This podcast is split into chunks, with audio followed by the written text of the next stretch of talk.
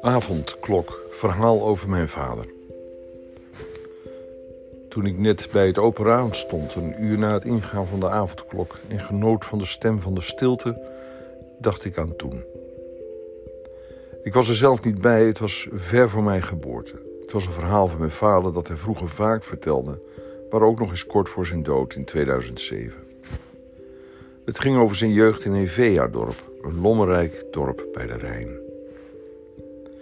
Mijn vader sleet een deel van zijn jeugd in het dorp. In 1939 arriveerde hij met zijn moeder, negen zussen en een broer in het dorp dat opgezet was door Vredestein, dat toen nog Hevea heette.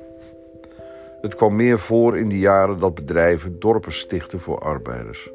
Dat had iets sociaals, al moet je je daar niet op verkijken, want er werd grof verdiend aan de arbeiders. Hevea was dol op grote gezinnen waarvan niet alleen pa aan het werk ging, maar ook zijn kinderen, die immers erg goedkope arbeidskrachten waren. Het feit dat de arbeiders tegen niet al te hoge kosten een woning konden huren, was voor de werkmannen en vrouwen uit die tijd een buitenkansje. Mijn grootouders kwamen uit Assen, waar mijn opa de ziel uit zijn lijf zwoegde als landarbeider.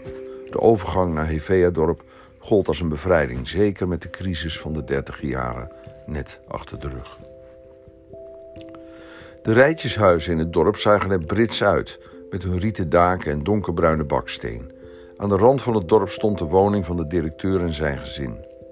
Met de adem van de baas in de nek lieten de arbeiders het wel uit hun hoofd om zich te misdragen. Het waren de jaren waarin arbeidskinderen meningsverschillen nog vooral met de vuisten beslechten. Er bestonden idealen bij de bovenlaag van de samenleving om arbeiders sociaal aangepast gedrag te laten vertonen. Dat lukte aardig in het dorp van mijn vader, waar weliswaar te veel jenever werd gedronken op vrijdagmiddagen in Café de Valkenier, maar waar het nooit uit de hand liep. Niemand liep het risico van ontslag. De dorpsjeugd van Hevea-dorp week voor een robbertje vechten dan ook uit naar Driel dat aan de overzijde van de Rijn gelegen was. Mijn vader schepte er wel eens over op, al hoorden we nooit de details, dus ik betwijfel of het allemaal wel waar was. Wat in elk geval waar was, was een soort avondklok. En daar moest ik dan ook aan denken vanavond bij het open raam. Toen ik naar de sterren keek, waarvan ik altijd denk dat mijn vader ertussen leeft. Om tien uur moest het rustig zijn in Evea-dorp. De vrouw van de directeur maakte dan altijd een wandeling in het dorp. Weer of geen weer, om tien uur maakte ze haar ronde.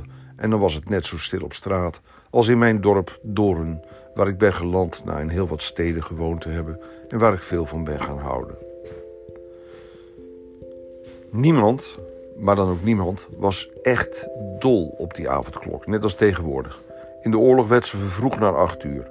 Spertijd heette het, maar daar heb ik mijn vader nooit over horen praten.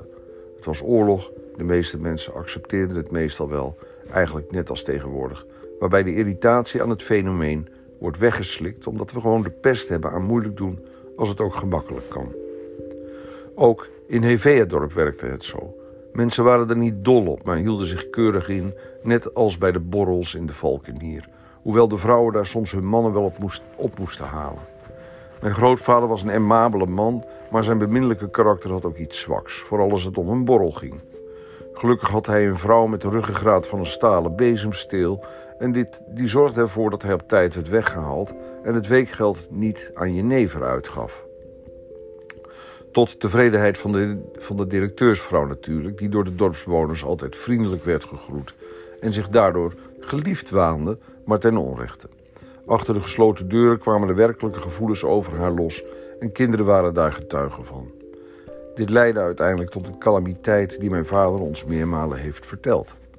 Met een groepje jongens gingen ze naar de directeurswoning en wachten daar op een zomerdag totdat de dame des huizes naar het toilet ging. Twee jongens liepen naar het raampje. Een van hen tilde de ander met zijn handpalmen op en die stak zijn hand door het raampje om de wc door te trekken, terwijl zij daar nog op zat. Een hoge gil was voor de jongens het teken dat ze het op een lopen moesten zetten. Uiteraard wist niemand daarna ergens van, ook niet toen de ouders gevraagd werd de schuldige te vinden. Mijn vader vertelde altijd dat hij degene was die de wc doortrok, maar dat verhaal werd niet bevestigd in een gesprek dat ik in 2014 met zijn tijdgenoten had. Ja, het had plaatsgevonden, maar op zeker was mijn vader daar niet de dader. Toch weet ik het niet, hij zou het best geweest kunnen zijn. Aanvankelijk twijfelde ik eraan, maar toen ik zeven jaar na zijn dood tot mijn verwondering een filmpje vond op het internet, gemaakt op de eerste dag van de bevrijding in Heveadorp, zag ik een hele ondeugende jongen in de lens kijken. Die jongen was onmiskenbaar mijn vader. Hij liep heen en weer voor de camera en ik las in zijn ogen dat hij tot allerlei kattenkwaad in staat was. Nee, geen kwaadaardige ogen. Meer vrolijke, onderzoekende ogen. De ogen van een arbeidersjongen die de wereld als een plaats zag die verkend moest worden. Een mooie arbeidersjongen uit een dorp dat hij altijd zou verdedigen, maar dat uiteindelijk te klein voor hem was. En daarom zwerft hij nu ook tussen de sterren. En knipoogt hij in de vorm van een vallende ster. Als ik naar de stem van de stilte luister tijdens de avondklok van 2021. Die daardoor voor even, voor heel even maar, geen weerstand bij me oproept.